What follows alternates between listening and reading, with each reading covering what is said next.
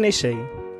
De club in het rood, groen en zwart is opgericht op 15 november 1900 na fusie tussen Eendracht en NVV Nijmegen. Komend seizoen is de Nijmeegse Eendracht-combinatie weer terug in de eredivisie na een afwezigheid van vier jaar. NEC heeft een rijke historie.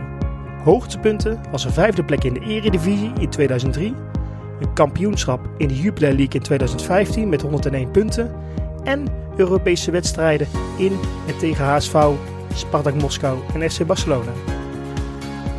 Ook kende de club, zoals elke club, dieptepunten als degradaties en het nooit winnen van de KVB-beker, waarin NEC wel vier keer bekerfinalist was. Ook kenmerkend voor NEC is onder andere de derby tegen Vitesse en oudspelers als Jan Peters, Saaie Visser en Edgar Barretto. Wij van Staantribune zijn gericht op de voetbalcultuur die bij verschillende clubs zijn. Dat is ook de reden om in deze podcastreeks van Staantribune terug te gaan naar de basis. Wat houdt de clubcultuur bij verschillende voetbalclubs in? Wat maakt voor supporters hun club de mooiste van deze aardbol? Wat zijn de mooiste verhalen rondom een club? En welke speler zal voor altijd een clubicoon zijn of was juist de grootste miskoop? Niemand kan het beter vertellen dan de supporters. Zij die het hart vormen van de club. Na vorige keer Sparta te hebben besproken, gaan we voor deel 2 naar het Nijmeegse. In ons midden hebben wij ras NEC'er Jeroen Rengers. Hij is voorzitter van de supportersvereniging van NEC. En als iemand mij het NEC-gevoel uit kan leggen, is deze Nijmegenaar wel.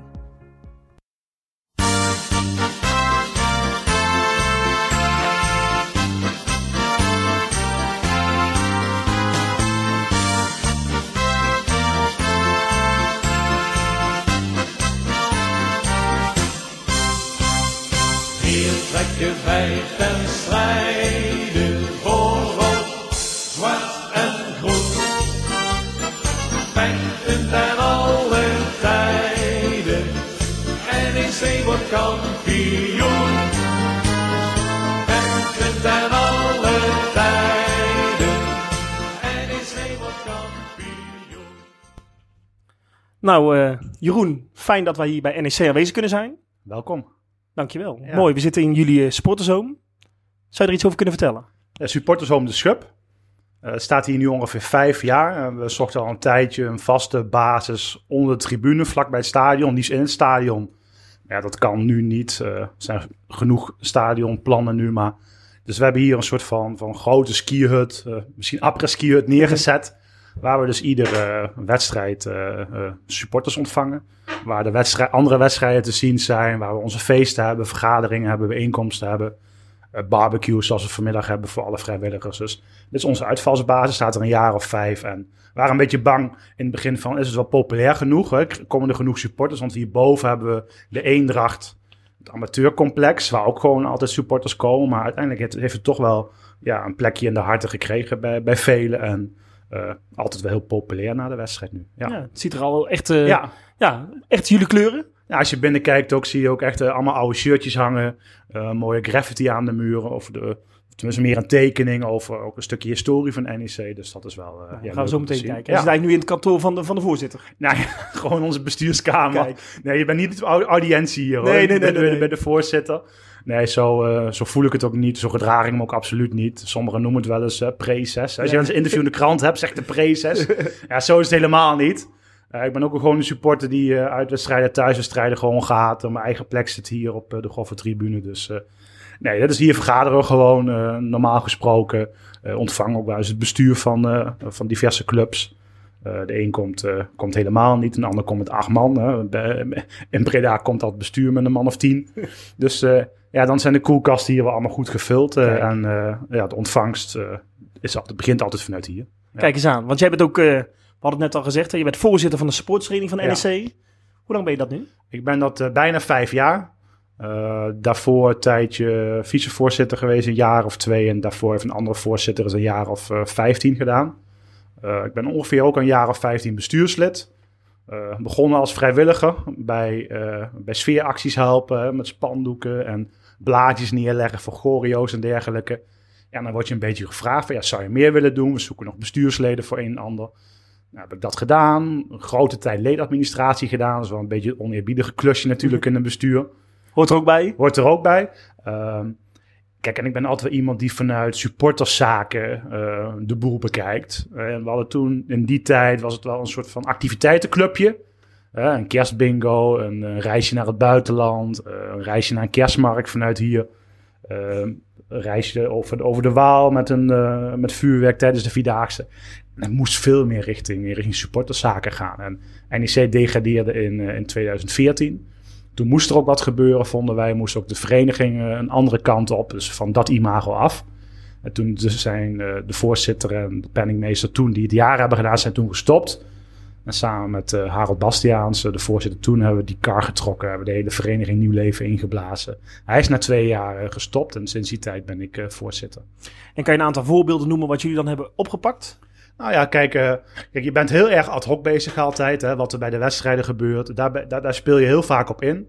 Eh, we zijn heel actief met wat zijn de komende wedstrijden, uitwedstrijden. Wat een vervoersregime geldt daar bijvoorbeeld voor. Eh, dus dat eh, is, heel, eh, is heel belangrijk. Je probeert ook een aantal dingen te bewerkstelligen. Nou, deze schub is natuurlijk al een heel mooi voorbeeld. Iets voor de lange termijn. Maar ook als we straks in het uitvak gaan. We hebben de Lexaanwand in het uitvak verwijderd. Dus de supporters die daar komen hebben vrij zicht. Ja, en je probeert gewoon heel kort op die club te zitten. Maar wij doen het altijd in drie spierpunten. Doen we het altijd vertellen. Al belangrijkste, het allerbelangrijkste supportersbelangen. Dus alles wat met supporterszaken te maken heeft. Opkomen daarvoor. Uh, maar ook gewoon uh, supporters bijstaan. Ook bij de stadionverbodcommissie als er een keer wat is gebeurd. We hebben laatst ook rellen gehad hier naar NEC Roda. Ook daar staan we zelfs supporters bij die moeten voorkomen voor een rechter. Dus dat is een soort supportersbelang en opkomen daarvoor. Uh, plus natuurlijk wat allemaal rond de wedstrijden gaat gebeuren. Wat we, kijk, over een paar maanden spelen we tegen Vitesse. Maar we zijn er nu al mee bezig hoe we die wedstrijd goed kunnen inrichten. Dat we ook daar gewoon weer met een vol uitvak naartoe kunnen. Dus dat, beetje dat voormasseren, dat gebeurt nu al. Dus daar zijn we op de achtergrond vaak mee bezig. Een andere is uh, ja, supporters uh, beleving. Dat heeft allemaal met sfeer te maken. We hebben Legio Novio een sfeergroep. Die heel lang onder de supportersvereniging heeft gehangen. Die ondersteunen met een grote bijdrage. Faciliteren we in heel veel zaken. Doen ook hier vaak uh, kleine spandoeken maken. Helpen we met de grotere spandoeken, met plekken en dergelijke. En andere supportersactiviteiten. Maar we blijven ook gewoon die activiteiten organiseren. Feesten waar spelers komen. Uh, het kan een keer een barbecue zijn, maar we zijn voor twee jaar terug zijn naar Brighton geweest, waar Ali Reza en Baks toen nog, uh, toen nog speelde. Uh, en ook natuurlijk voor, voor een bepaalde doelgroep de jaarlijkse bingo en een paasbrunch voor, voor vrijwilligers. Dat valt een beetje onder, onder activiteiten. Een barbecue wat je net al aangaf? Ja, dat is dan de jaarlijkse barbecue voor vrijwilligers. Um, dat zijn meer voor mensen die, uh, ja, die heel veel voor ons als vereniging doen. Maar voor alle, alle leden zijn toch vaak de feesten die we organiseren. Met een paar bekende artiesten en dergelijke. Of een, een beetje een bandavond. Dat is allemaal hier rond de schub afspeelt. En dat valt dan weer onder activiteiten. Oké. Okay. En ik hoor dat jij eigenlijk al heel lang betrokken bent bij ja. de club. Ja. Ook heel lang betrokken bent bij de sportsvereniging. Ja. Hoe is jouw liefde voor NEC ooit ontstaan? Uh, ik kom uit 83 en begin jaren ging ik eigenlijk nooit naar, naar voetbal. Niet als kind met vader mee, terwijl mijn vader ook nog steeds uh, een seizoenkaart heeft naar NEC gaat. Maar toen ik een jaar of 12, 13 was, ben ik gewoon met vriendjes uit de buurt, de klasgenoten, ben ik, uh, ben ik hier ook naartoe gegaan. Op dezelfde plek waar ook mijn vader staat. En ja, toen vond ik het natuurlijk allemaal heel interessant hier. Die oude Goffert, het imposante stadion. Uh, waren natuurlijk niet de glorietijden van NEC. Hè. Veel, veel na-competitie, degraderen, promoveren. Maar toen trok mij gewoon uh, NEC al. En, en, vond ik het gewoon leuk om met, uh, ja, met hun, met de jongens waar ik nog steeds mee ga, om, om hier naar de Goffer te gaan. En dat is dan een beetje ja, 96, 97 gebeurd. toen raakte de club natuurlijk ook echt in een stroomversnelling met de verbouwing van het stadion en dergelijke. En toen heb ik echt twee jaar in het oude stadion een seizoenkaart gehad. En ja, vanaf die tijd hier een nieuw stadion. En vanaf eind jaren 90 ben ik ook echt uit de strijden meegegaan. Dus uh, ja, die laatste 20 jaar uh, die staan me heel goed bij. Ja, ja, ja. ja. ja. Hey, en jouw eerste wedstrijd, kan je me nog herinneren? Ja, eerste thuiswedstrijd kan ik me eigenlijk niet herinneren. Nee, nee, ik kan me... Dat is heel raar. Je herinnert je, ik, een beetje vanaf mijn 18e, 20e, dan herinner je heel veel, bijna alles letterlijk wat er gebeurde. Maar echt de eerste wedstrijd, nee. Nee de eerste jaren gingen gewoon wel losse kaarten. En ja, weet je, zo werkte het vroeger. Je liep je naar boven en suppose en liet je gewoon naar binnen. Ja, ja, ja. ja en dan kan ik me ook wel na competitiewedstrijden zeker herinneren. En, en uh, oudspelers zoals Jules Ellerman en dat soort voetballers die, uh, eh, Emiel van Eikeren. Dat, soort, dat, dat, dat staat me heel goed bij. Maar toen beleefde ik echt nog niet helemaal zoals je nu misschien doet met, eh, ja, met de club overal vol. NEC was toen ook wel een beetje een grijs, ja, sommigen noemen het zelfs een lelijk eentje, wat wij natuurlijk zelf niet vonden. Eh, maar toen beleefde het niet zo met, met, met ook van, ja, dat ik echt achter spelers aanging met handtekeningen of shirtjes liep. Dat was pas veel later gekomen. Ik heb het wel altijd een beetje normaal beleefd. Niet als een kind, ja, als een kind zo blij en gek, voetbalgek eh, ben ik nooit geweest. Maar ik kwam pas echt op latere leeftijd een beetje, vanaf mijn zestiende, achttiende, toen ik ook veel meer uit de strijden ging bezoeken. Toen ook ja, het stadion echt opgeleverd werd hier. Toen is die beleving echt pas, eh, pas Ja. gekomen. En jouw eerste uitwedstrijd, kan je die nog Ja, herinneren? die was in Ar- Arnhem. Ja, oh, ja. kijk. Dat was ook de eerste keer dat, eh dat zeg maar het Gelredome werd geopend. En eh, toen vonden we het wel een leuke wedstrijd om, om daarbij te zijn. Volgens mij hebben die ook nog dik verloren ook nog. Maar ik denk dat dat een 97, 98 is geweest. En ook sinds die tijd heb ik eigenlijk bijna geen, geen uitwedstrijd gemist. Ja, Oké. misschien dat ik op, op seizoen een keer één of twee of drie mis. Hè. Als je een keer iets hebt met familie of werk. Maar probeer ze allemaal wel mee te pakken. Weet je, je, je, ja, je wil er gewoon bij aanwezig zijn. We hebben nu vier jaar keukenkampioen divisie gehad. En in het begin dacht je nog wel, ja, we moeten tegen jong Ajax of jong AZ, daar gaan we niet naartoe. Maar als ik dan zelf bijvoorbeeld, ik werk bij het touringcarbedrijf wat NEC eh, vervoert. Oké. Als ik dan op maandag, dan moest ik op maandag naar jong, Amsterdam, naar jong Ajax naar Amsterdam en zag die bus rijden en dacht ik van, ja, waarom ga ik nou niet? Ik heb vanavond toch niks te doen, dus snel even naar NEC bellen en toch maar even een kaartje kopen en dan met die bus mee. En dan sta je daar ja, op zo'n vreselijk terrein Ja, ja, ja. In, in Amsterdam. Maar ja, je vindt het wel mooi om erbij aanwezig te zijn. Want het gaat natuurlijk bijna niet om die wedstrijd. Het gaat gewoon met, met je vrienden en met familie of natuurlijk met al die andere supporters om die wedstrijd te beleven. En dat is, ja, dat is waar het om draait. Dat is het gevoel wat je erbij hebt. En ga je na uitwedstrijden ook altijd met dezelfde groep? Ja, ja, we gaan altijd met dezelfde groep. Ik ga altijd met eh vaste kameraad van mij. Eh, en dan soms in andere samenstellingen. Soms gaan we met een clubje met vier gaan met de auto. Vooral de keukenkampioen divisie op vrijdag veel met de auto. We hebben ook vaste bussen, vaste supportersbussen. Eh, we hadden vroeger twee vaste bussen die altijd gingen. Dat was dan de Uli Express. eh, zeg maar vanuit Ulrich Krude, cultspeler van toen. En de Gier Tours hadden we vanuit Jack de Gier. Maar die, die twee vaste bussen, die is, dat is eigenlijk allemaal teruggebracht naar één bus. Die noemen we de Uli en de Gier. En dat is een bus die iedere uitwedstrijd gaat. En is voornamelijk ook voor supporters die het leuk vinden om met elkaar naar zo'n wedstrijd te gaan. Maar ook gewoon eh, wat minder makkelijk de auto pakken. En die Ja. bus die rijdt altijd. En dat, eh, dat faciliteren wij ook. Wij doen ook bij iedere uitwedstrijd doen wij ook de catering in alle bussen. Dus bijna een hele logistieke operatie, keer op keer. ik, ja. Dus eh, over een paar weken spelen we in Amsterdam. Er zijn nu al zes, zeven bussen van vol verkocht. Dus we denken nu al van hoe gaan we dat doen? Dus ja, Maar een heel stuk wel- beter dan naar Jong Ajax, neem ik is aan. heel stuk beter. Ja, dan gaat er vaak maar één bus. En nu, ja, nu mogen we toch naar, eh, naar het grote, grote Ajax. Maar ja, dat zijn wel dingen die wij dan eh, ook, eh, ook organiseren. En ja, heel veel tijd kosten. Maar Ja. ja, Nou, over de promotie van afgelopen seizoen zullen we het straks nog hebben. Ja, ik, ik zie hier een mooi bord staan met... ik vind hem heel mooi. Ik vind hem heel mooi, ja. Voor mij als NAC-spoor doet het iets pijn, maar Ja. ik, ja, ik gun het jou natuurlijk van harte. Misschien direct leuk om nog over jouw beleving van het afgelopen seizoen te hebben. Is goed. En over de promotie uiteindelijk. Hey, en wat, nog een vraag, wat maakt voor jou NEC nou NEC? Ja, kijk, als eerste als je hier buiten loopt, ehm, dan, dan, dan als je dat stadion zo in dat grote park ziet liggen, ja, er is natuurlijk bijna geen stadion wat, wat, wat meer voetbal ademt eh, qua, qua omgeving als, eh, als deze club. Kijk, eh, het is ook de bottleneck van onze club, want we kunnen niet uitbreiden. en We kunnen geen museum zelfs nog inbouwen en een casino en een supermarkt. Dus wat hier ontstaan is vanuit zeg maar, de oude Goffert, hè, dat noemen we ook wel de bloedkuil, zullen we misschien op Ja. terugkomen. Ehm, dat, dat, dat is natuurlijk NEC. NEC is in 1900 opgericht vanuit een arbeidersclub. Eh, drie jongens die eh, tegenover het grote Kwik, eh, meer de eliteclub, eh de club hebben opgericht. Dus echt altijd vanuit de arbeidersklasse, de lagere sociale klasse is het opgericht. En dat zie je nog steeds verwoven door die hele club hier. En eh, die emotie eh, van wij houden van de club, ja, zeg maar in goede tijden, dus de vreugde die we laatst bij de promotie hadden, of als het slecht gaat bij degradatie, ook wel door de woede die hier is. Dat is wel de supporter en dat is wel wat NEC is. Kijk, NEC eh, zit heel diep in de harten van mensen. Eh, en dat is of het nou nu rijke supporters zijn of arme supporters zijn of ertussenin, en jong en oud. Dat blijft hier altijd verweven in die club, in het DNA van die club. En ja, we noemen het ook wel een beetje de bloedkuil, de bloedkuil mentaliteit. Dus dat, dat is wat wij nu hebben en wat we ook graag bij spelers willen zien. Ja. Kijk, we verliezen liever met eh, dat we dan verloren hebben en goed hebben gevoetbald, maar ervoor gestreden hebben. Dan heeft iedereen de vrede mee. Maar als de kantjes van afgelopen worden, ja, dan, dan gaat het er echt niet in. En dan kan het inderdaad wel voorkomen dat een keer eh, een bestuurder eh, aangesproken wordt of een spelersbus opgewacht wordt. En dat, dat wordt hier gewoon niet gepikt. Nee. En wat is dan jouw favoriete speler alle tijden van NEC? Oh, nou, Als het over echt hè, de, de bloedkul mentaliteit Ja, ik vond dat altijd toen met Jack de Gier. Kijk, dat is voor mij ook de tijd, hè, een beetje eind jaren 9, 2000, 2001. Eh, dus begin jaren 2000 Jack de Gier hier speelde. Ja, dat is voor mij wel echt, eh, echt wel de cultspeler. Gewoon de mouwen opstropen, juist tegen Vitesse pieken.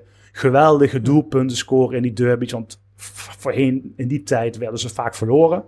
En Vitesse Ja. eindigde ook tweede of derde. eh, dus die, die, die gingen ook naar het Gelredome. En vanaf die tijd wonnen we bijna alle... Ik denk dat we tien jaar lang, elf jaar lang hier niet verloren hebben, die derby's. En ze ook bijna allemaal gewonnen hebben. Maar Jack de Gier was in die tijd voor mij wel echt eh, de, de held. Gewoon ook gewoon met die mentaliteit. Gewoon borst vooruit en met kop naar voren om, eh, Ja. om, om die Arnhemmers te verslaan. Ja, Deed het jou dan ook extra pijn? Want eh, Jack de Gier is hier uiteindelijk natuurlijk trainer geweest. Ja. Ontslagen volgens mij ook. ja, die werd hier wel binnengehaald als een soort van... ik wil niet zeggen verlossen, maar nu gaat het gebeuren. Ehm, ja, dat deed wel natuurlijk pijn als je ziet hoe, een, hoe, hoe soms clubmensen, helden uit het verleden... hier dan toch wel ja, roemloos, ik wil niet zeggen sterven, maar... eh, ja, waarbij er toch dat, eh, ja, dat imago afgebrokkeld wordt. Dat zie je met Jack de Gier, maar ook met Anton Jansen. Eh, zag je ook met Danny Hoekman toen hij hier TD werd. Ja, dat doet wel, dat, is, dat doet wel pijn. Je ziet Ja. hier ook het elftal aller tijden hier hangen achter de tribune. Ook met Jack de Gier en, en dat soort voetballers. Ja, dat doet wel pijn. Maar ja, dat is ook wel weer... Kijk, dat soort spelers trainer worden... en eh, ja, dan gaan ze ook wel die uitdaging aan. En iedereen weet dat NEC dan een hele moeilijke club is. Mhm. Want de verwachtingen hier zijn altijd heel hoog gespannen. Ja. Kijk, dat zie je ook eh, bij jouw favoriete club. Wij denken ieder jaar als we in de keukenkampioen-divisie spelen... dat we gaan promoveren en dat we erbij moeten horen. Maar nu heb je alweer het gevoel dat we ons bijna makkelijk gaan handhaven volgend jaar. En dat kan natuurlijk ook hè, met de verhalen rond Boekhoorn... en het beleid wat hier nu eh, neergezet wordt. Maar ja, heel veel clubs denken dat. En die moeten gewoon keihard werken volgend jaar om erin te blijven. Maar altijd die, eh, ja, die ambitie en denken dat je toch wel een, een wat grotere club bent. En dat je middenmoot, sommigen zeggen zelfs subtop Nederland bent. Ja, ja, Ja. ja, dat zit vaak nog wel in, ja, in onze gedachten. Want we- Ja. dat- wij, wij vinden ons ook gewoon een eredivisieclub. Kijk, en de laatste trainers hebben er ontzettend eh, veel moeite mee gehad. En ook vorig jaar leek het toch uit te, uit te lopen op weer een, op een grauw seizoen. Altijd een beetje rond die vierde, vijfde plek gespeeld. Maar de laatste wedstrijden verloren. eh, werden we zevende. Ja, en toen hadden we natuurlijk die kansen in de play-offs. En eh, ja, die, die hebben we toen aangegeven. Maar ja, dat is risico ook weer van het vak. Hè. Als je hier trainer wordt, of je komt terug als speler... of je gaat een directiefunctie vervullen. Ja, dat is risico, het afbreukrisico is, is groot. altijd. Ja, Ja, ja. Hey, Prezes, zullen we eens even bij... eh Prezes, ja. Zullen we even hier Ik, binnen vind- gaan ik kijken? heb altijd moeite met die synoniemen die Ja, dan ja, zo'n ja. zo'n journalist maakt. Hè? Prezes, supportersvoorman. Ja, en sommigen denken wel van, ja, hij is voor de supportersvereniging, maar ik ben gewoon normaal. Ik, doe, ik heb het vanuit mijn hobby altijd, eh, ben ik gewoon zo doorgestoten. En ja, ik heb wel gezegd, iemand moest het toen doen. En je ziet gelukkig nu wel overal in Nederland de, de wat, wat jongere voorzitters ontstaan. Die, Die, eh, eh, Ik, ja, ik die noem het gewoon Jeroen. Jeroen, zullen we even daar gaan kijken? Ja, is goed. Nou, Jeroen, we zijn eh 10 meter opgeschoten. We zijn Ja. inmiddels in het café van de sportsvereniging. Ja. En ik zie een eh, heleboel mooie shirts hier hangen. Ons supportershome, de Schub. Heel veel oude shirtjes eh, hebben we hier hangen. Echt, eh, sommige zijn eh 50, eh, 60 jaar oud, sommige zijn recent. Houden we ook goed bij. Ja, je ziet alle sponsoren en je ziet ook allerlei ja, vormen. Eigenlijk hebben we nu sinds een jaar of vier, vijf het oude balkenshirt terug. Er kwam een lobby vanuit de supporters van dat moet terug. Je ziet het ook vaak bij voetbal. Veronica en Sar, Johan Derks, die zegt van ja, dat is echt het enige shirt. Die heeft ook al heel erg ondersteund, eh, die actie om het balkenshirt terug te brengen. Het heeft weinig geluk gebracht de laatste jaren. Maar ja goed, eh, nu, nu spelen we ook weer in ja. de Eredivisie met, met het balkenshirt. Je ziet daar het witte shirt waar we in gespeeld hebben. Die is echt eh, tientallen jaren oud. eh. Ook natuurlijk zonder, eh, zonder hoofdsponsor. Ja, met, wel met NEC er natuurlijk op aan de Ja. voorkant zie ik. Ja. Wat, wat is jouw favoriete shirt als je hierboven kijkt? Ja, mijn favoriete shirt is wel een beetje, toen het voor mij een beetje begon, eind jaren 90. Eh, dat zijn dan deze shirts plus integration. Het allermooiste shirt is het shirt met, eh, met B&M erop. Hey, en als we dan nog even teruggaan naar het uh. Ik zie al Ja. een mooi graffiti hier. Klopt. Ja, is een, graffiti, eigenlijk een, een tekening die, die gemaakt is. Je ziet links zie je de bouw van, van de oude Goffert. De Goffert is in de jaren 30 eh, eh, gemaakt, eind jaren 30. Vanuit een werkverschaffingsproject. Werklozen moesten allemaal helpen om het hele volkspark hier aan te leggen. Je hebt natuurlijk de Goffertwei, waar veel concerten worden gehouden. Eh, je hebt een openluchttheater, een groot zwembad, kinderboerderij. Alles wat, bij een groot park hoort. Maar er moest ook een stadion komen. En eh, dat stadion is hier eh, aangelegd in de jaren 30. Ik dacht in 39 uh, geopend. Ja, dat is met de hand gegraven. Je ziet bakken, je ziet wat, wat kruiwagens. En dus met, met, met scheppen. op zijn Nijmegen schub is het toen uitgegraven. Nou, we zijn in de schub. Dat is de naam die we toen gekozen hebben. En buiten staat ook een monument voor, voor deze mensen. Want ja, bloed, zweet en tranen heeft het gekost om het hier te gaan bouwen. Hoe zeg je dat op zijn Nijmeegs? Nou ja, wij zeggen, kijk, de bijnaam is bloedkuul. Ja. Want het is met, met, uh, ja, met, met bloed, zweet en tranen. Het is gewoon met, uh, ja, met bloedvergiet bijna is het, is het gebouwd. Mensen moesten gewoon met de hand dit stadion uitgraven. En het ligt heel diep. Want het stadion zie je van buiten, je ziet de lichtmassa, maar je ziet er misschien niet eens liggen. Maar het ligt als een, als een oud volksparkstadion, zoals je veel in Duitsland ja. vroeger ja. had. Hè. Uh, zo ligt het stadion hier nog steeds. Het, het stadion is in 2000 gerenoveerd. Het staat op dezelfde plek, maar de val die is er nog steeds. En de oude poort zie je nog steeds. En de Hazenkamppoort, die zie je ook nog steeds. Uh, maar die bloedkuul, ja, dat is ook een beetje na aan die laatste jaren wel gecultiveerd is, die mm. veel gebruikt wordt. Ook een spandoek altijd in het stadion, ook toch? Ook een spandoek ja. in het stadion. En ook die bloedkuul-mentaliteit, zoals ik eerder zei, dat is wel iets wat, uh, ja, wat hier echt door die club uh, verweven is. Ja. ja. En dat, dat, dat zie je nog. En je ziet natuurlijk de skyline, de twee mooiste... De Sint-Stevens, ja, toch zoals hier in Nijmegen De Sint-Stevenstoren, de Sint-Stevenskerk zie je. En natuurlijk de iconische Waalbrug. En rechts ook een stukje van, van de oude Goffert met het torentje wat er nog steeds is. Mm. Hoe, is de relatie eigenlijk tussen NEC en Nijmegen? Sommige steden zijn echt, uh, waar de club echt verheven is in de stad. Sommige clubs ook helemaal niet. Hoe zit dat eigenlijk hier zo? Kijk, Nijmegen en NEC is gewoon een hele moeizame relatie. Kijk, Nijmegen is van oudsher een hele linkse stad. Dan niet eens van oudsher. Van oudsher is Nijmegen een hele katholieke stad. Maar de laatste jaren, omdat het een studentenstad is, een hele linkse stad geworden. Ook met veel raadsleden, mensen uh, in het college, die ook ja, niet eens geboren Nijmegenaars zijn, maar vanuit een studie hier uh, het college en de raad in zijn gekomen. Dus dat merk je.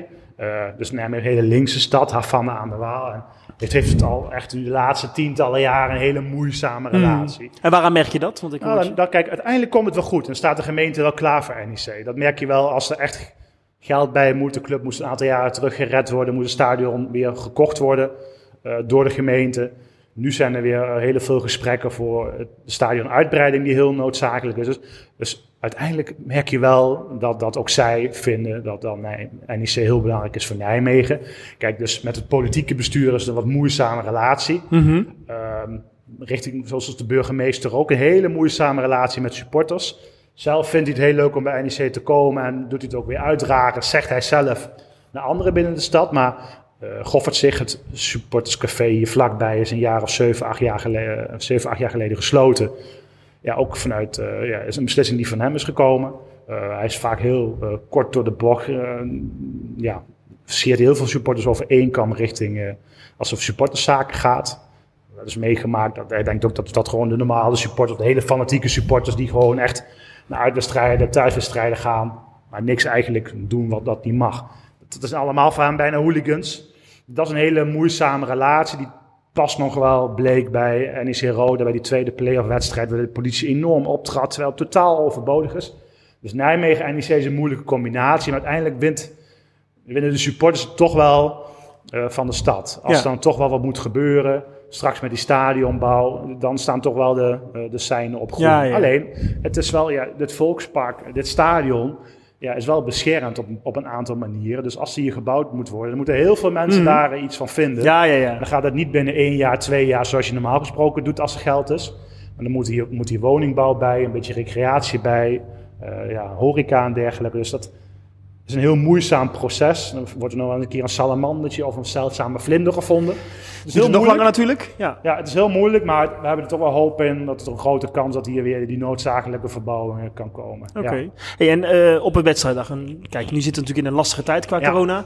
Maar in een normale wedstrijd, op een normale wedstrijddag, is dan ook, eh, zie je dan ook veel kleuren van NEC ook in de stad? Nou, vroeger had je nog wel, eh, moet ik gelijk aan denken, bussen die allemaal NEC-vlaggetjes hebben. Tegenwoordig zie je wel heel vaak dat er wel wat vlaggen uitgehangen worden, maar niet massaal van NEC speelt.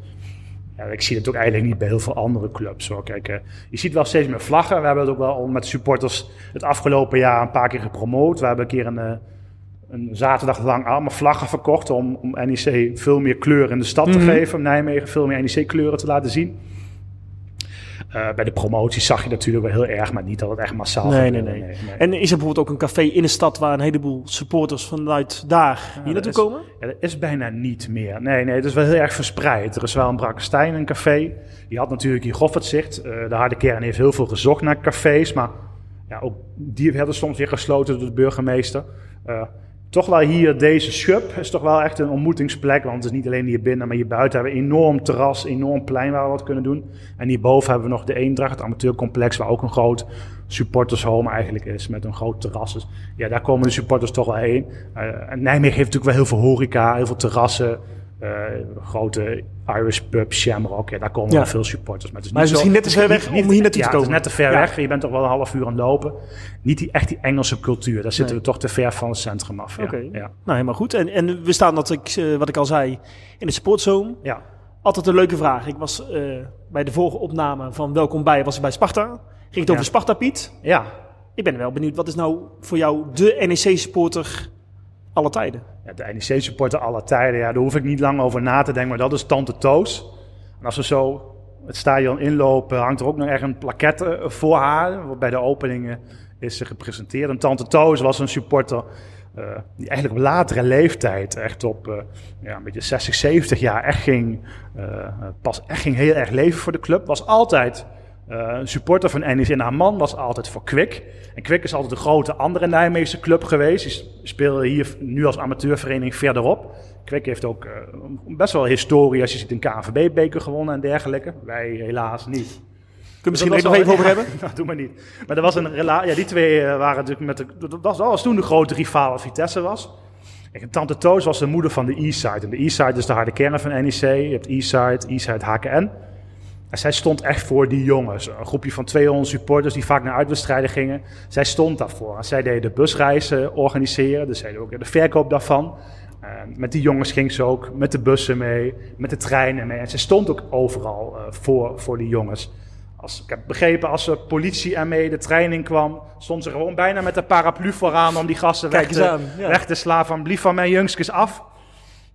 Dat was de stand tot. Ik heb Ja. het zelf niet meegemaakt omdat het in de jaren 90 overleden is. Oké. Uh, maar nog steeds echt een grote ja, cult supporter die er Ja. nog steeds is. En ja, haar naam uh, galmt nog heel vaak hier rond uh, de Goffert. En als je foto's ziet van wat, wat klein, oud, ja, Minsk om het zo maar te zeggen. Ja, dat is gewoon fantastisch.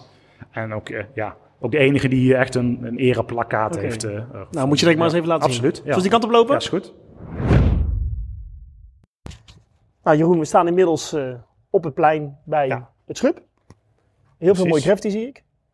Nou ja, kijk, eh, dit is het SV-plein. Want we hadden eerst alleen het plein. En hier deden we ook eh, de bijeenkomsten. Dus ook gewoon met, eh, met, met, met muziek en dergelijke. En barretjes voor, voor en na de wedstrijd. Je ziet best veel graffiti. graffiti hierboven, wat tegen het stadion aangeplakt is, heeft... In 2005 is dat door Henk Schiefmacher ontworpen en gemaakt. De bekende Amsterdamse Mhm. tattoo-koning. Het Ook een NEC'er. Nee, dat denk ik absoluut niet. Nee. Die is denk ik gewoon voor betaald. Maar die heeft dit eh, logo eh, eh, met ook het stadsembleem van Nijmegen gemaakt voor 2000 jaar ja, stadsrechten. Dus de oudste stad van, van Nederland zitten we natuurlijk Ja, nu. ja. Ja, deze muur hier is pas ontstaan. Je ziet daar toch wel een aantal supportersverenigingen, de fanatiekere ja, supportersclubs eigenlijk. Eastside, Nijmegen, HKN. Mhm. Dus de, de oude, een nieuwe harde kern. LN05, ja, die LN die zie je denk ik overal. Die zie je ook bij eh Geert Ruidenberg, bij de snelweg. Ik kwam net Overal. deze kant op gereden, zag ik het ook inderdaad. Ik was er van Ja. de week ook, dus zag ik hem weer. Dus als je bijna Nederland inkomt vanuit, eh, vanuit België, zie je gelijk een LN05, 080. Dat is het vak hier, hierboven, het Ja. sfeervak, het staanvak. Ja? We hebben nu kengetal 024, maar vroeger was het 080 in Oké. Nijmegen. Eh, Nijmegen Fanatics supportersgroep die sinds 2014 bestaat. En wat is dan ongeveer de leeftijd van de... Ja, Ja, kijk, Eastside, dat is natuurlijk de, de harde kern. Dat is echt eh, van, van jonge garde tot, eh, tot eh, de oude harde kern, 50, Ja. 60 jaar. LN, dat is natuurlijk degene, de groep die, die spandoeken en dergelijke maakt. 18, eh, 22, 23. Een hele grote groep. We hebben zelf als supportersvereniging aan basis gestaan van er moet gewoon een sfeerteam komen. Toen had je wat allerlei initiatieven had je vanuit diverse supporters. We hebben gezegd van we gaan het samenvoegen onder de vlag van de supportersvereniging. Toen is dit opgericht. Het begin dachten we wel van laten we hopen dat het gewoon heel lang eh, blijft bestaan. En dit jaar hebben ze het 15 jaar bestaan eh, gevierd en de groep is nog nooit zo groot geweest. En, eh, ze hebben plannen voor dit jaar die, eh, die ieder jaar eh, de afgelopen acties allemaal weer gaan overtreffen. En ook wel een goed gevestigde naam in, eh, in het Ja. supporterswereldje. En wij staan nu eigenlijk ook eh, onder de tribune, eigenlijk Ja. in de hoek. Hè? Eh, In de hoek. Hierboven is dan het sfeervak, als ik Ja, hierboven is 080. Hier rechts is de Hazenkamp-tribune. Ja. De wijk waar het stadion gevestigd is, is ook eh, de Hazenkamp. Eh, je ziet ook deze, straks die oude poort zie je daarachter staan. Dus de oude Hazenkamppoort, de oude toegangspoort tot het oude, oude stadion. Met eh, de oude stadionklok. En die hebben we een jaar of 15 geleden ook eh, vanuit de, ja, de schroothoop van, van het verbouwing van het Goffertstadion hebben we die gered. Eh, die stond altijd aan de andere kant van het stadion, eigenlijk aan de westkant van de oude Goffert. En die hebben we hierboven de Hazenkamppoorten. Ja. dat zie je nu heel vaak terug, hè, dat, dat beeld van, eh, ja, van die oude stadionklok. Dus eh, dat is hiernaast en hierboven is dan 080. En dan heb je de Goffertribune, dat is altijd de meest uitverkochte tribune. Meestal eh, meestal thuisbasis van de supportersverenigingen. Ja. Maar dit, eh, het sfeervak, als Ja. ik het goed zeg, die bestaat eigenlijk nog niet zo heel lang, toch? Nee, het, het- toevallig zag ik dat, eh, dat het vak ongeveer tien jaar nu, nu bestaat. Maar zoals het nu een staantribune is, is het denk ik echt een, ja, ik denk een jaar of vijf, zes, ze- ja, zes, zeven ongeveer. Ja. En dat is ook jouw plek in het stadion? Nee, ja, mijn plek is echt hier op de Goffertribune. Vanaf het begin al steeds dezelfde plekken, helemaal bovenaan. Dus rij 16, een stoel 16, maar echt, ik zit dus voor zo'n grote letter, M, vak M. Daar zit ik al vanaf het begin. En dat was een stoel die ik toen in 99 uitkoos om te gaan zitten. En daar zit ik nog, eh, nog steeds. Nou, misschien leuk om Ja. ook even naartoe te lopen. Precies. eh. Yes? Nou Jeroen, we zijn inmiddels in het stadion. Ja. En we staan hier bij eh ja, herinnering aan Tante Toos. Precies, zij heeft hier die plaketten gekregen ja, als herinnering, als gedachte, een, aangedacht, ja, een gedachtenis aan, aan Tante Toos. En dat is vanaf het begin dat stadion gebouwd is, heeft ze dat verdiend. En hier rechts is dan ook eh, de, vaste, eh, ja, de vaste plekken voor de harde kern, eh, vak G, vak H. Daar staat de harde kern van NEC. Dus Is die lopen hier altijd langs. ja. is het ook jouw favoriete plek in het stadion dit? Of Nou ja, kom je hier vaak tijdens de wedstrijd? Ik kom hier nooit, want ik zit, ik zit dan, dan daar aan de, aan de, zeg maar de oostkant, dus vak M. Waar in het beginjaren wel weer de sfeer vandaan kwam. Maar ja, dat is wel mijn, mijn favoriete plek, is gewoon waar ik met mijn vrienden zit, waar Ja. ik met de supporters zit, die er nog steeds zitten vanaf, eh, vanaf de opening van het stadion. En, We eh, kunnen eens een keer die kant op. ja, kijk, en als je nu al kijkt, je ziet wat. Moet je even wachten. Je ziet hier al heel veel roze vlekken. Maar we hebben een nieuwe techniek gevonden om de stoeltjes schoon te maken. En je gelooft het niet, maar als je tegenover kijkt, zie je Ja, vieze grijze stoeltjes. Maar als je naar links kijkt, allemaal nieuw. zie je lijkt het allemaal nieuwe stoeltjes. Maar ze hebben een techniek gevonden met een soort van hoge druk. En een bepaald eh, ja, stofje, vloeistof erbij. En een bepaalde manier van branden. Waarbij gewoon die stoeltjes gewoon bijna nieuw lijken. Dus het was wat een doorn in ons ogen dat die stoeltjes zo, Ja, zo grauw verkalkt waren. Maar eh wij dachten dat ze verkleurd waren, maar het was gewoon een bepaalde verkalking. Oké, maar de, de andere stoelen wordt nog aangepast. Eh, Ja, ja we, en we zoeken nog steeds vrijwilligers daarvoor. Want het is echt, we hebben maar twee apparaten. En dus uren, Ja. ja. dagdelen per persoon. Dan heb je er net 50 gedaan. Oké, en dat, maar dat pakken jullie ook op als sportsvereniging? Ah, nee, wij ondersteunen. Nee, het is echt vanuit de club opgepakt. Ja, ja. En je ziet hier overal natuurlijk die graffiti. Hè. Weer trekken wij ten strijde van ons clublied. En de naam van deze podcast? En de naam eh, van, van deze podcast, ja. Kijk, je ziet dan hier de voorkant eh, van het oude stadion. En je ziet zelfs nog een tekening van... eh, verderop, van Tante Toos natuurlijk. Kijk, en ook aan de bovenkant hebben we natuurlijk een tekening. Dus Wanneer is al deze graffiti hier geplaatst? dit is echt al een paar jaar na de opening gedaan. Kijk, en hier zie je zelfs nog de tekening van Tante Kijk. Toos. Dus ja, als je toch een supporter hebt... eh, ze heeft gewoon een eigen... Met het handtasje, handtasje zou ze... be- met het handtasje zou ze bij wijze van spreken de, de ME'ers, de Ja, ja, politie ja. eh, Uit, de, uit de bus, uit de, uit de trein sta- eh, slaan. Mooi, de mooie Dus, eh, NEC-shalom, zie ik hier. absoluut. Dus, eh, Boze vrouw als ik het zo zie, maar die kwam wel op voor... eh, ze kwam echt op voor de Voor de supporters, NEC-familie. eh, ja, nee, Ja. Voor, voor haar jongens. En dat was eh, de harde kern, de Eastside. En eh, we lopen bijna al wat te ver voor mijn plek. Maar ik weet niet hoe jouw conditie is. nou, ik, en dan eh, zie je het verschil met die stoeltjes natuurlijk. eh. Ja, Dat is de hazenkamp, die moet nog gebeuren. Kijk, en, eh, het is op dit moment trouwens heel erg rustig in het stadion. ja, het is rustig. Het is het hele jaar al rustig. Maar eh, ja, de vogels hebben nu eh, alle vrijheid en zo. We hebben net nog Ja. een, eh een eekhoorn gezien. Dus het is, eh, het is erg rustig. Maar het stadion is er alweer bijna klaar voor om uh, Ja, absoluut. voetbal... eh, absoluut. En het is uitverkocht, hè. We hebben De seizoenkaarten zijn bijna, nou binnen een week zijn ze allemaal verkocht. dat, het record van 2008 met het Europees voetbal onder Mario Been is verbroken. We hebben wachtrij nu met 700, 800 seizoenkaarten. Dus eh, En hoeveel eh, seizoenkaarten in totaal zijn er verkocht? eh, ze, hebben, ze hebben nu, we zitten nu tegen de 10.000 aan. Oké, ja. en Ja. we willen het aantal plekken ook vrij houden voor een losse Voor verkoop. losse verkoop, ja. Dit is mijn stoeltje. Kijk, Kijk, en ja, ik zit gewoon aan het einde van een rij. Dus ik kan altijd lekker mijn benen zo strekken. En ja, zien wat er gaat gebeuren. Ja, en dat is niet altijd eh, geweldig. Maar nee. precies achter de goal. precies achter de goal, ja, ja. En ook altijd zitten, staan. Ik zit toch vaak wel, al, als het een beetje spannend wordt en een beetje belangrijk, dan staan we hier wel. De ene is rustig, de ander schreeuwt. Maar ja, ik zit meestal wel rustig hoor. Oké. Ik ben geen schreeuwer, nee. Nee, nee, nee. En wat vind je dan van, als je dan naar rechts kijkt, dan zie je het sfeervak? Dan zie je het sfeervak, dan zie je soms wel van die blote buiken staan van eh, kom op en die Ja, ja, zeggen. ja. En die, zeg ik, zij moeten die sfeer overbrengen hier richting deze tribune, Dus eh, zeg maar de oostkant. En dat moet ook weer overslaan richting de harde kern. Zo moet je een beetje een wisselwerking krijgen. Maar ik kan me dat bijna, weer bijna niet voorstellen dat we straks met een vol stadion zitten. Kijk, het is helaas tegen jouw club gebeurd. Maar wat er, wat er sinds 23 mei is gebeurd, die club is helemaal veranderd. De stadion zit gewoon, los van die coronamaatregelen, straks gewoon helemaal vol. Terwijl we vier jaar lang steeds een lege stadion kregen. Begin had je nog wel 7, 8.000 supporters. Vorig jaar 5, 6, tenminste. Seizoen voor corona 5, 6.000 supporters. Ja, nu mag het straks weer eh, uitpuilen. Dus eh, ja, dat, dat, daar kijken we echt eh, naar. Nee, dat kan ik me heel goed voorstellen. Dat is natuurlijk alleen maar goed voor de club. Ja. En, en we hadden het toen straks een beetje over jouw favoriete speler. Hè?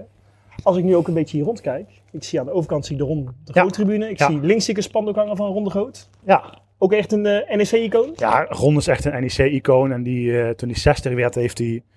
eh, nou, hij is nu wel 60 geworden, maar toen hij nog 25 jaar bij de club zat, heeft hij... want hij heeft allerlei functies te vertegenwoordigen. Hij is heel vaak invul, invaltrainer, dus interim hoofdtrainer geweest. Maar nog steeds assistent. Een aantal jaren niet, maar ook nu is hij weer assistent van, van Rogier Meijer. Was als, eh, als speler eh, Bikkeltje, dus eh, werd hij Bikkel genoemd. Later was ook de mascotte vernoemd naar, naar Bikkel.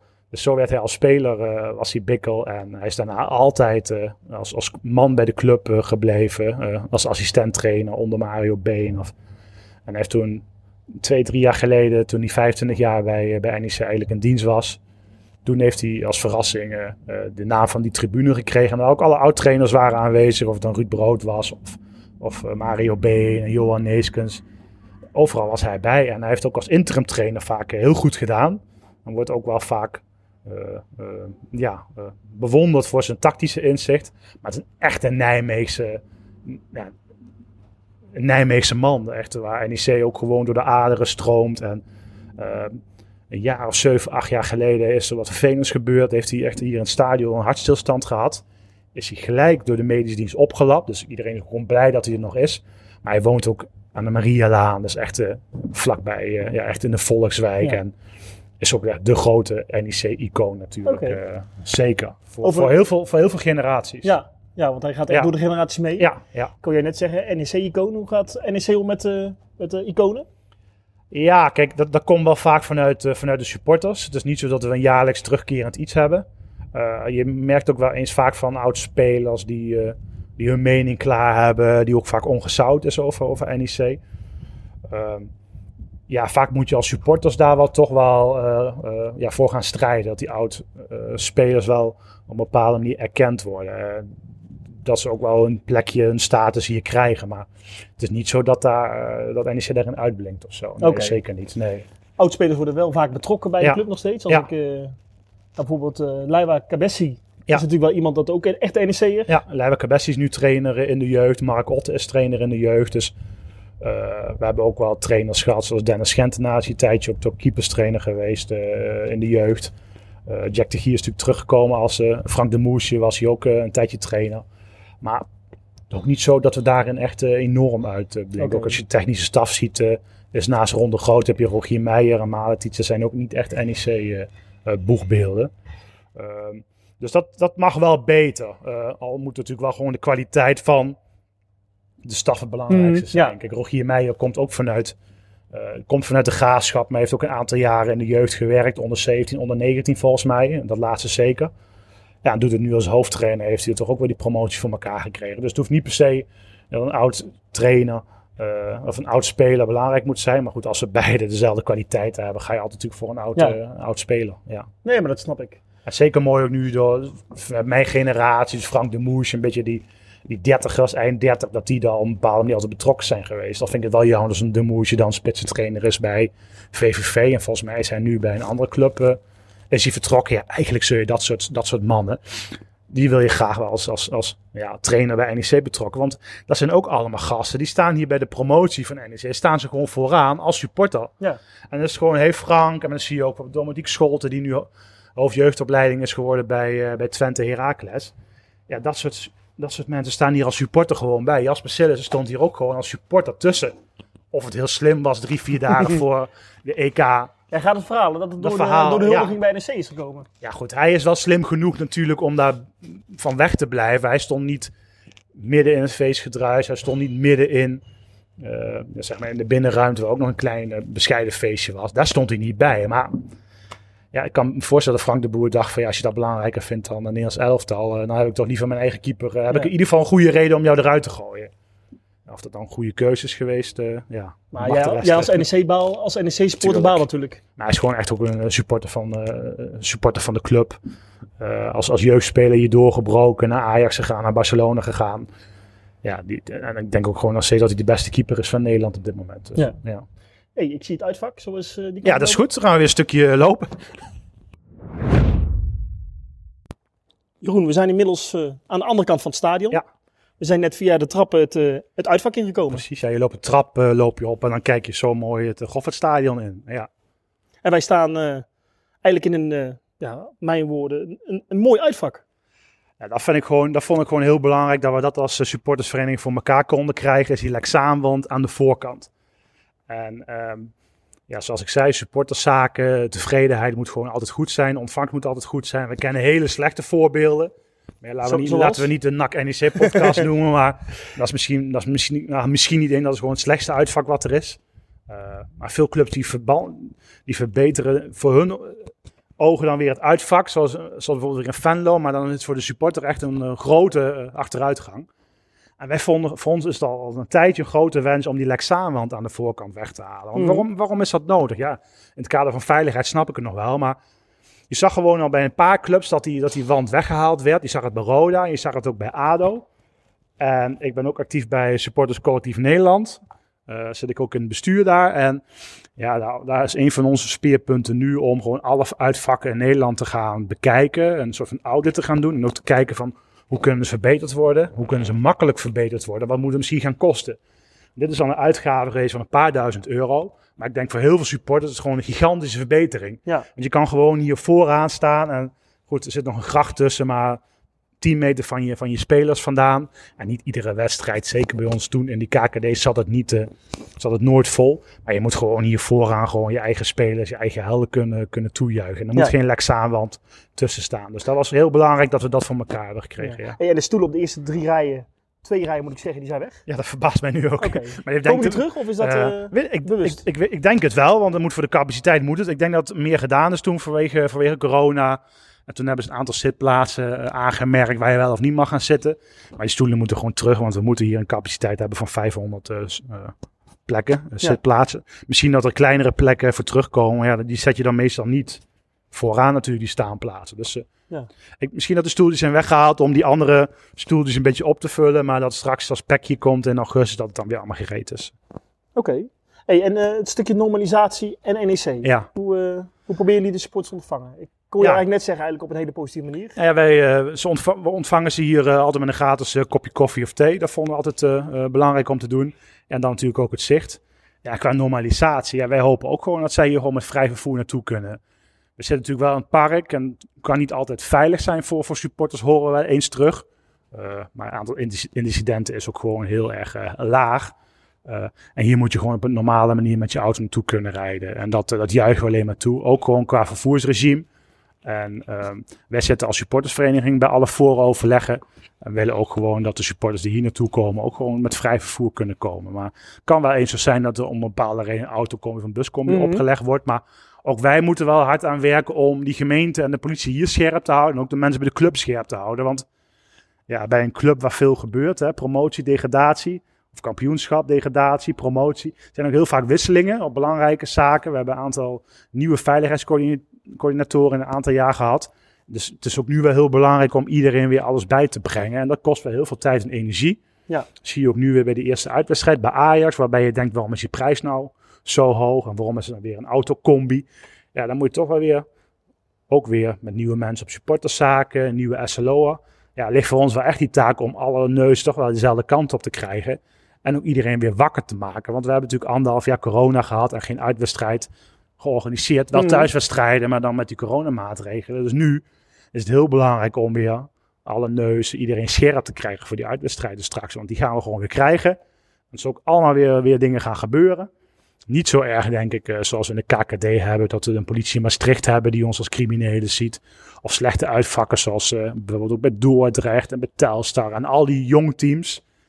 Dus het is wel wat professioneler, ook met name bij de vooroverleggen en de eredivisie. Maar ja, wij moeten daar toch wel als SV wel scherp bovenop blijven zitten. En dat, dat moet je doen in de KKD. En dat vond ik ook als bestuurder van supporterscollectief om voor de keukenkampioen-divisie op te komen. Maar die ervaring wil ik ook meenemen richting de eredivisie. Want ook daar heb je allerlei maatregelen waar je ja, toch wel met simpele aanpassingen ook wel weer van af kan stappen. Dus waarom moet zo'n Lexaanland of waarom moet een net gespannen zijn in de arena, in de Kuip of bij FC Twente? Kijk, een normalisatie is ook soms een, teken van lef. Kijk, als mensen, hier, als mensen hieruit willen klimmen, dan kunnen ze hier altijd uit klimmen. Maar eh, die 99% moet niet lijden onder, eh, onder die 1% die het dan wel een keer vergalt. Of het dan de uitsupporters zijn of de thuissupporters. Hey, en ik hoor je ook zeggen, Jeroen, hè, jij bent eh, betrokken bij het sportscollectief. Ja. Ja, hoe zie jij sowieso eh, ja, de toekomst van uitsporters?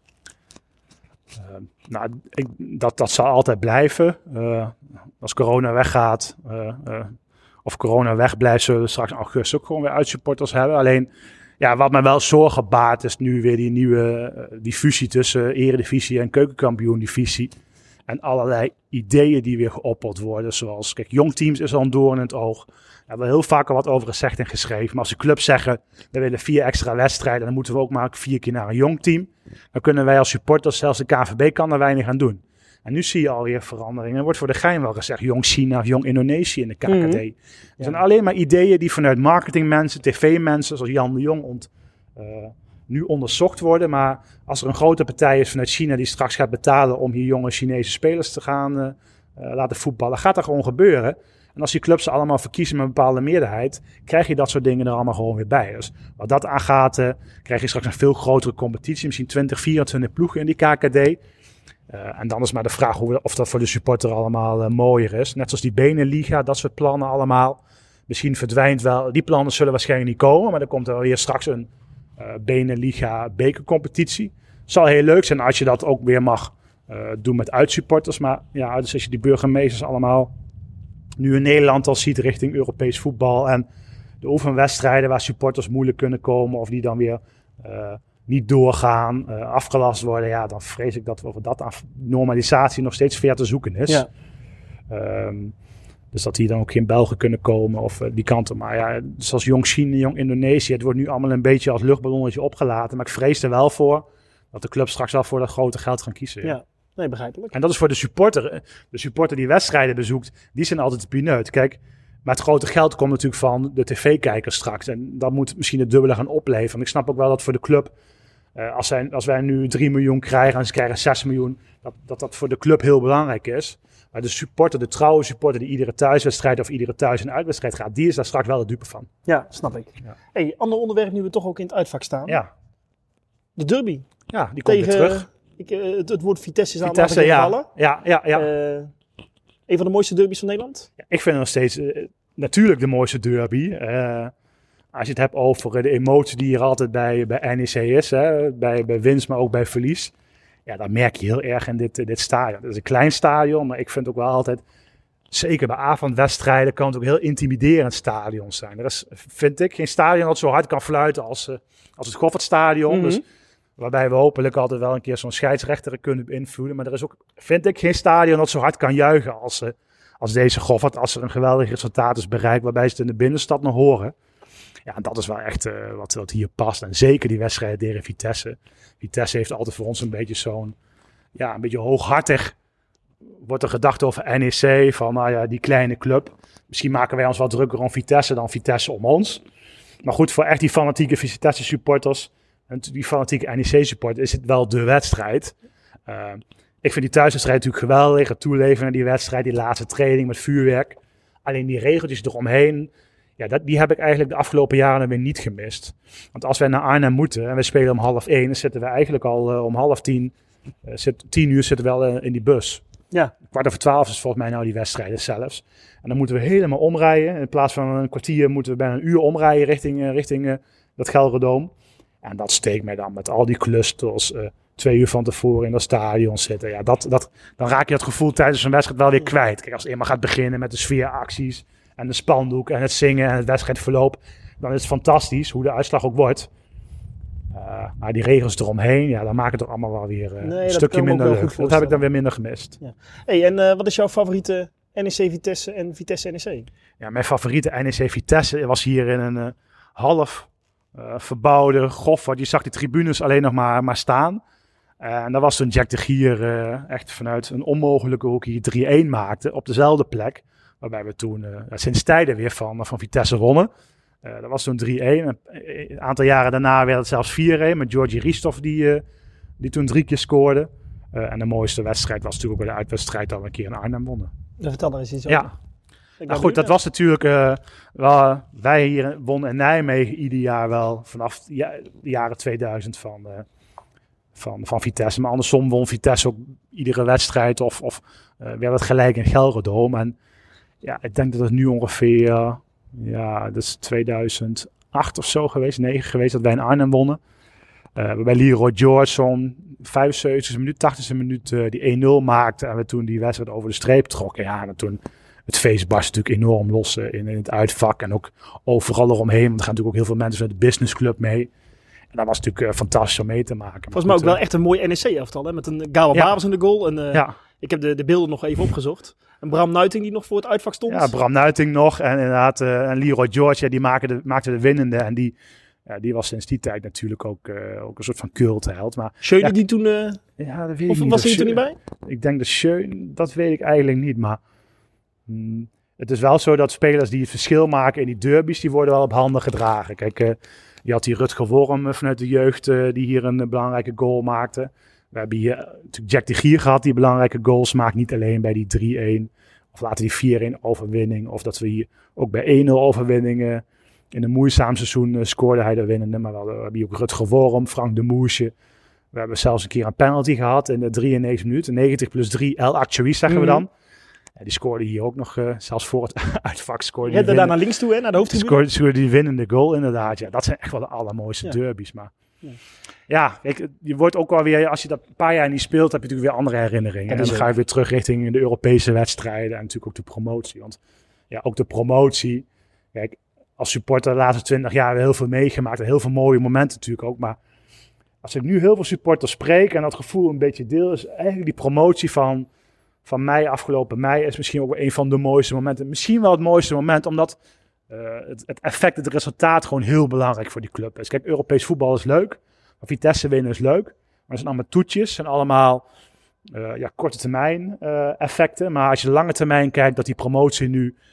We dachten, we gaan nog een jaar keukenkampioen spelen. Misschien, misschien blijven we nog wel zes of tien jaar in die KKD. Maar dat je met die promotie gelijk uh, de eredivisie binnenhalen. En dat we dit jaar weer eredivisie mogen spelen. Dat was wel heel erg belangrijk. En ja, dat heeft wel heel veel indruk gemaakt ja. op heel veel supporters. En ook heel veel losgemaakt. Kan geen toeval zijn. Hè? We staan het uitvak. We hebben het over Vitesse NEC. En ik hoor de politie ja. achter ons. ja. ja. Het ziekenhuis is vlakbij. Okay. Het is geen, uh, geen politie? Nee, ik hoop het niet. Ja, en anders uh, ja. moet maar vluchten toch. Hey, Tante wat, Toos is er niet om ze ah, weg kijk. te slaan natuurlijk. hey, en misschien, ja, dat is een, misschien een vreemde vraag voor jou. Ja. Maar welke derby heeft jou eigenlijk het meeste pijn gedaan? Kan je dat herinneren? Ja, we hebben een derby gehad, uh, volgens mij verloren 5-1 met... Uh, bij Van Hooydonk volgens mij nog drie keer scoorde. Maar ik maak mij eigenlijk nooit zo druk om die derbies. Kijk, als je lange termijn... Ik vind eigenlijk... Ik, ja, natuurlijk is het pijn dat als je een moeilijk seizoen speelt en je bent er beter dat je verliest. Maar een paar keer hebben we echt aan de, aan de goede kant dachten we te staan qua scores. Dat we hem zouden winnen en dat we hem dan toch net niet verliezen. Maar Ja, kijk, thuis nederlagen hier. Ja, ik heb het allemaal wel een beetje verdrongen. Kijk, Ja. eh, de, de, de echte dieptepunten zijn natuurlijk de degradaties of het niet winnen van de Mm. play-offs die we de laatste jaren hebben gehad. Ja. Dat is echt iets van de laatste. Nou ja, sinds 2014 eh, was het natuurlijk een beetje kommer en kwel hier. Dus dat is wel wat, wat veel meer steekt dan een nederlaag eh, eh, tegen Vitesse. Maar goed, dat gaat volgend jaar misschien wel weer terugkomen. Ja. Eh, heb ik nog een hele moeilijke vraag voor jou. Ja, Ik heb hem ooit eens een keer aan eh, Jeroen gevraagd, van Staantribune. ja. Noem eens iets positiefs over eh, de grote concurrent. Iets positiefs over eh, Vitesse bedoel je? Ja. Of moet je er even over nadenken? Ja, dat, eh, Is er iets dat je denkt van, nou die club dat... eh, ik vind het nog wel knap dat de supporters blijven komen. Ondanks wat er allemaal bij Vitesse gebeurt. Dat er überhaupt nog supporters daar. Kijk, diep in je hart moet je natuurlijk niet blij zijn met zo'n Russische eigenaar. Kijk, Vitesse moest ook gered worden. Er moest ook gewoon. eh, er waren ook huilende supporters bij de gemeenteraad van Red Onze Club. Die beelden, die hebben we gezien. Er is ontzettend veel geld, gemeenschapsgeld in Vitesse gestoken. eh, door de provincie met Nuon. Eh, echt nou, 60, 70 miljoen is er toen ingestopt. Eh, dus de, die club komt ook van ver en had al lang niet meer bestaan als er aan rust niet was ingestapt.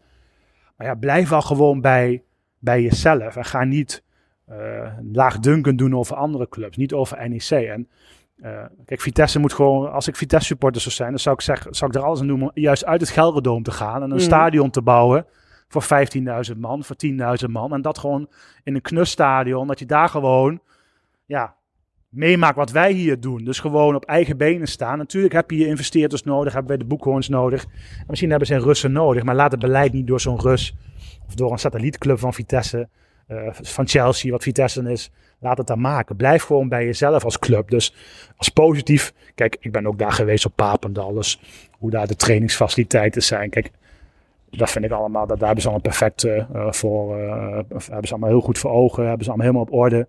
Ja, en ze hebben de beker gewonnen. En ze hebben dit jaar zelfs de bekerfinale gehaald. Wat dat aangaat, zijn die prestaties gewoon geweldig. Maar ze worden vierde. En, krijgen, en hebben minder, veruit minder seizoenkaarten verkocht in NEC. Dus ja, wat gaat er dan mis? Dan is toch die binding met die clubcultuur. Ja, en daar heb ik wel respect dat de supporters überhaupt nog in die getalen komen. Is niet echt grappig gezegd van ja, blij dat nog supporters zijn. Want kijk, gemiddeld, die supporters zijn overal. Je hebt overal de trouwe supporters. eh, die uitwedstrijden, thuiswedstrijden gaan. Die kunnen er vaak niks aan doen hoe een club zich ontwikkelt. Als wij hier vorig jaar een Panoraam, Pan Panamorev hadden. Zo'n Duitser werd hier genoemd twee jaar terug.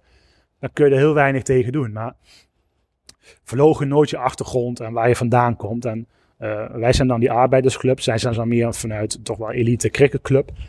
Maar ja, wees gewoon blij met, met je eigen club. En, en verlogen nooit. Doe nooit grappig over eh, NEC of NEC. En uiteindelijk kijk gewoon over vijf jaar waar staat NEC en waar staat je eigen club. En dan moet je pas gewoon eerlijk zijn over hoe het gaat. Ja, iets positiefs. eh, is moeilijk. ja, weet ik niet. Kijk, eh, ja, maar dat geldt ook voor andere clubs. Kan ik ook gewoon weinig positief. Je hebt gewoon met bepaalde clubs heb je gewoon meer en minder. Heeft ook te maken met hoe je bij clubs ontvangen wordt. of je daar bekende supporters hebt die je dan kent. Daar zit vaak een clubgevoel. Ik heb dat met, eh, met Utrecht en de Sparta en de Feyenoord. Dan heb je met, met supportersgroepen een bepaalde band. En sommige clubs heb je dat veel, veel minder. Eh, maar goed, ook met Vitesse supporters eh, moeten wij en werken wij samen nu al om te kijken hoe we voor onszelf het straks kunnen verbeteren. Want dan, je moet wel boven die rivaliteit Mhm. staan om bij de burgemeester straks te bewegen richting volle uitvakken. En niet dat ze dan denken, ja, het is allemaal weer spannend. Dan mogen er maar 400 naar Nijmegen. En dan mogen er straks maar eh, 600 naar Arnhem, terwijl er 1200 in kunnen. Nee, we moeten gewoon weer inzetten om volle, volle uitvakken. Zowel Vitesse hier in Nijmegen als wij straks daar in Arnhem. En daar heb je elkaar toch voor nodig. En dan... dan En die samenwerking is ook goed. en die samenwerking is gewoon prima. Ja. Nou, mooi. Nou, Jeroen, we zijn inmiddels weer eh, in jouw kantoor. In het, het schub, de schub, In de bestuurskamer. Ja, Bestuurskamer. in de schub. Ja. Hey, eh, historische plekken binnen het stadion en over de historie van de NEC. Ehm, we hebben toen straks natuurlijk het clublied gehoord aan het begin van deze podcast. Kan je iets vertellen over het clublied van de NEC? Ja, Clublied is in de jaren 60 ontstaan. ge- Gezongen door Lily de Vos. Die is eh, dit jaar overleden. Is, heb ik voor me opgeschreven. Ja, ik dacht dat ze 394 geworden is. Ehm, de tekst kwam van een oude keeper van NEC. En de man die maakte de muziek. En zij zong het met, eh, met de pupillen van NEC. Zong ze het, eh, het oude weer trekken wij ten strijde. Echt naar eh, het ouderwetse manier. In de jaren 80 is het nieuw leven ingeblazen door een lokale zanger, Tom Meusen. Die versie is nu wel de meest gedraaide versie. Ja. Maar Lady de Vos deed in de jaren 60 eh, als clublied introduceren. En ja, is dan ongeveer eh, meer dan 50 jaar ons clublied. Ja. Kijk eens aan. Hey, en dat nummer, wanneer wordt het, eh, het clublied gedraaid? Is dat voor de wedstrijd? Of Het wordt voor de wedstrijd gedraaid, ja. En het wordt ook wel vaak bij, bij een overwinning wordt het ook wel snel ingezet. Oké, hey, en na de goal wordt hier natuurlijk ook muziek gedraaid? Ja. Ja, nu de laatste tijd wordt, eh, wordt de Johnny's gedraaid. ja, weet je, Wat, wat vind je er daarvan? zit weinig historie aan. nu zit het ja, pap, pap, pap, pap. Ja, ik, voor mij hoeft er vaak niet eens wat gedraaid te worden. We hebben van alles geprobeerd. Ook met het opkomstnummer hebben we van alles geprobeerd. Eh, ja, het wordt al jaren gedraaid, dus prima. En het is ook wel goed zo. Kijk, soms moet je bepaalde dingen ook niet veranderen. Kijk, clublied is een clublied. Je kan zeggen van ja, de huidige versie, welke is mooier? Die van de jaren 60 of van de jaren 80? Ja, laat het nu eenmaal maar zo. Dit is gewoon de versie die we allemaal kennen, die we allemaal meezingen. eh, eh, die we zelf in het stadion zingen. Dus die kun je best ook gewoon zo, zo laten. Nee, dat snap ik heel goed. Hey, en dan hebben we het over de historie. Ehm, is er toevallig een NEC-museum? Nee, er is geen museum. Eh, er zijn wel her en der veel collecties. Er zijn heel veel verzamelaars natuurlijk rond, eh, rond de club. Eh, maar het is overal een beetje verspreid. Er is één supporter, Hans Vossenberg, die heeft een enorme collectie. Die verzamelt alles. Eh, legt alle programmaboekjes, ook wat er nu nog op uitgebracht wordt, zoals opstellingen en dergelijke. Van, van vlaggen tot vaantjes die uitgedeeld worden, tot, tot bijzondere dingen. Eh, oude archivaris van Eldik. eh, dat is allemaal overal wel bewaard, maar er is geen museum. Het is een lang gekoesterde wens om dat museum te hebben. We hebben ook een stichting, Stichting de Bloedkuil, eh, die dat allemaal eh, behartigt en daar ook voor strijdt. En het is ja, eigenlijk topprioriteit één als het stadion hier, het hoofdgebouw, echt goed aangepakt, uitgebreid wordt. Om hier dat museum te krijgen. Dat hoort, zijn, dat hoort gewoon. Kijk, we hebben een hele lange historie van, die vanaf 1900 geldt. Met, met, ja, met gouden jaren eh, van jaren 60, 70, 80. Er is altijd wat gebeurd. Hè, met de bekerfinales die we in de jaren ook allemaal gespeeld hebben. Tot, tot ja, toch ook weer die bijzondere jaren vanaf 2000. Dus ja, we kunnen daar eh, we kunnen een heel museum eh, volhangen En natuurlijk. wat zou dan het mooiste item kunnen zijn in dat museum? Ja, ik zou gelijk zeggen de stadionklok, maar die is te groot. Helaas. Kijk, maar die staat ook op een hele mooie plek natuurlijk nu. Die staat nu op een hele mooie plek. We- we- sowieso, dit is natuurlijk een hele mooie plek. Ja, je hebt natuurlijk altijd wel hele bijzondere items eh, of hele bijzondere wedstrijden. Je ziet, wat ik heel mooi vind, is wat rond NEC Barcelona allemaal eh, verschenen is. In 83 speelde NEC tegen FC Barcelona, het grote Barcelona toen. eh, waar Maradona ook actief was. Alleen, ehm, NEC was toen gedegradeerd. Als verliezend bekerfinalist haalde NEC Euro- de Europa Cup voetbal. En eh, als dus eerste divisionist werd dus tegen Barcelona gespeeld in 83. In de volle goffert natuurlijk.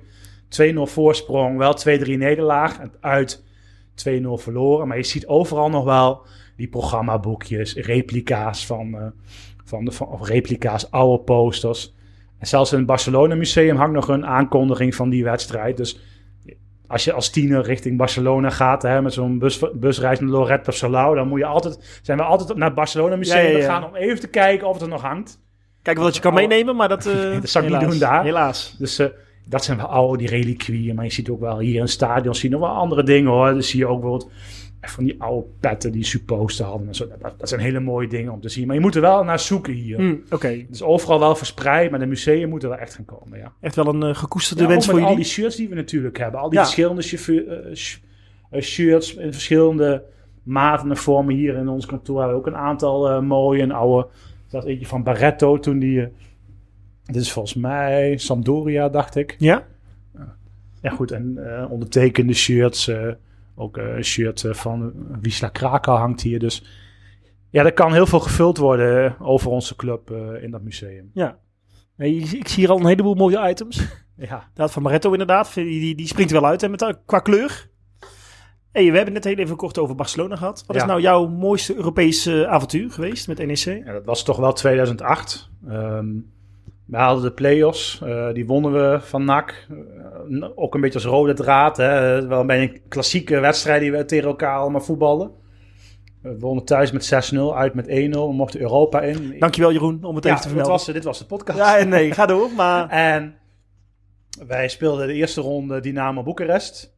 En eh, thuis, thuis wonnen we en uit bleef het gelijk, waardoor we in de groepsfase kwamen. Er was een groepsfase van de UEFA Cup met vijf ploegen en vier wedstrijden. Twee keer thuis, twee keer uit, willekeurig. En we begonnen uit een, eh, na, na Boekarest, waar ik ook bij was, begonnen we uit in, in Zagreb. Nou goed, die, eh, die verloren we nipt vlak voor tijd. Toen kwam hier tot een Hotspur, nog met eh Bill, die hier nog speelde. Die verloren we ook, dus maar dan gingen er drie van de vijf door. En we hadden nog wel een kans natuurlijk om, om erbij te komen. En toen moesten we uit naar Spartak Moskou, wat toen nog best een goede ploeg was. Eh, ik ben ook in Moskou bij, in het grote Luzhniki-stadion. Waar normaal 80.000 mensen konden, waren daar met... eh, uiteindelijk waren er iets van 10.000 supporters, waarvan iets van een paar honderd NEC'ers, drie, 400. De, klopte dat het toen ook min 10 was? Of min 20 of min 30? Nou, nee, nee, het was wel koud. Het was wel rond het vriespunt of zo. Maar je kon natuurlijk die berenmutsen kon je kopen en opzetten. Maar het was koud, maar het was goed te doen. Eh, we kwamen snel 1-0 achter, maar we maakten gelijk 1-1 van Beukering. En Lasse Schöne die dan vlak voor tijd de 2-1 scoorde. Ja, dat was gewoon geweldig dat je als NEC zijnde zo'n Europese wedstrijd daar won. En de dag daarna waren we nog een, in Moskou om te sightseeën. En overal zag je natuurlijk die NEC als een glimmer van trots. En ik vond dat zelf wel de mooiste Europese wedstrijd. Om daar gewoon ja, als, paar, als, ja, als, als jonge supporters, als een van de weinigen bij te zijn. Maar die wedstrijd hierna, thuis tegen Udinese, is misschien wel het meest eh, iconische. Omdat er gebeurde in die minuut gebeurde zoveel. Kijk, NEC, het stond 0-0. Eh, het was ook al richting het einde van de wedstrijd. En we zagen de tussenstanden. En dat Spartak Moskou met 2-0 voor stond eh, op White Hart Lane tegen, tegen Hotspur. En toen hier zo'n zo'n jingle afging, gaat er dus een bel af als er tussenstanden zijn. Toen stond het gewoon 2-0. En toen dachten van, nu is het gebeurd. En in dezelfde minuut, nou nee, dezelfde seconde scoorden we hier, scoorden we de 1-0. En toen ging het stadion ontplofte helemaal van, ja, nu stonden wij virtueel derde om eh, te overwinteren in Europa. En dan kwam nog die 2-0 achteraan, toen overwinteren. En daarna zijn we uitgeschakeld door HSV, maar toen zijn we nog met 4000 NEC'ers naar Hamburg gegaan. Dus Er is ook was nog een mooi, een- mooi liedje over geschreven, hè? Toch Schede Daan? het is Scheledaan, ja. We gaan naar de reperbaan. eh, ja, met Scheledaan naar de reperbaan, ja. En daar zong hij het nummer ook. Dus, maar dat was gewoon, kijk, we speelden eerst thuis en die wedstrijd verloren we al van, van HSV. En uit eh, hadden we echt nog kans om een resultaat te halen, maar het was gespeeld. Maar eh, ja, gewoon om met 4000 supporters daar op die reperbaan te zijn, was ook gewoon echt fantastisch. eh, Kan ik me heel goed voorstellen. Ja. Nou, laatste vraag eigenlijk. Hè? Wat is jouw mooiste anekdote in combinatie met NEC? Ja, we hebben het al kort besproken, maar kijk, dat, dat is ook toen het voor mij echt, eh, echt begon, was wel die tijd met, eh, met Bart de Graaf. NEC was altijd, werd als lelijke eentje gezien door heel veel andere supporters, maar ook door heel veel spelers. Want je had zo'n rubriek bij VI, misschien heb je die nog, persoonlijk. Lelijkste stadion, altijd de Goffert. Lelijkste shirt, het balkenshirt. Dat was altijd NEC. En dat, dat, dat was overal in Nederland, was NEC een beetje lelijke eentje. En Bart de Graaf zorgde wel als eerste wel voor om dat landelijk weer wat recht te draaien. Om Ja, er gewoon een mooie club, eh, ja, niet een mooie club van te maken, om te laten zien dat NEC een mooie club is. Hij wilde met, met BNN wilde hij een publieke omroep worden, wilde hij een publieke bestel. Dus iedere week in zijn programma kwam NEC terug. De ene keer deed hij als Kees Jansma, deed hij eh, de spelers of de trainer interviewen, Koevermans. Hij deed een keer de harde kern, deed hij een metamorfose geven. Die kwamen allemaal eh, van de kapper af en een mooie, mooie strakke kleding. Ja, ja, ja. En in, ja, wat ik heel mooi vond, in de rust van een voetbalwedstrijd in Heerenveen... landde hij gewoon met een helikopter, landde die gewoon op de middenstip... en ging die gewoon naar het uitvak toe... En de, de supporters toejuichen. Ja, dat was gewoon fantastisch. Zelfs in Heerenveen vonden ze het fantastisch. Dat kun je je nou niet voorstellen. Maar hij was hier gewoon iedere week. En je zag hem ook gewoon iedere week. En de keer stond hij weer in een supporterskraam bij de merchandise. Had hij NEC merchandise bedacht. Rood, groen, zwarte dakpannen. En alles, alles deed hij voor die club. En toen kreeg je gewoon landelijk gezien kreeg een beter beeld. En dat gaf ook wel licht een beetje zo'n katalysator zo richting... Hè, toen Van Delft kwam daarna... Met de plannen voor het stadion zoals het nu is. Met een ander shirt op dat moment, een ander logo. Kijk, en natuurlijk zijn we daarna weer teruggekomen. Hè. We wilden ook wat, wat, wat, het oude logo willen we graag toch wel weer terug. Het oude shirt is terug. Kijk, en dat zijn wel voor mij wel mo- mooie momenten toen NEC echt eh, weer op de kaart werd gezet. En Bart was daar één van. En eh, als je nu op YouTube kijkt, zie je die, die beelden ook nog wel zeker terug van, eh, van die tijd. En dat- dat was ook een beetje mijn begintijd toen ik 13, 14 was en het allemaal ging, ging beleven. Ja, dat zijn voor mij wel de mooie anekdotes op dat, van, van die tijden, ja, die nu echt in me opkomen. Ja, nou, kan ik me heel goed voorstellen.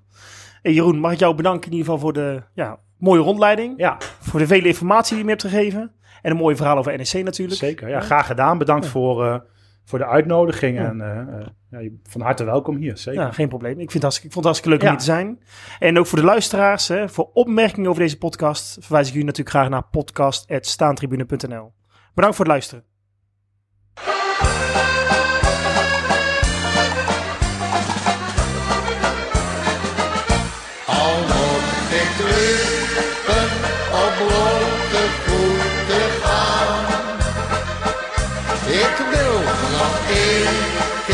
Zijn steven verslaan.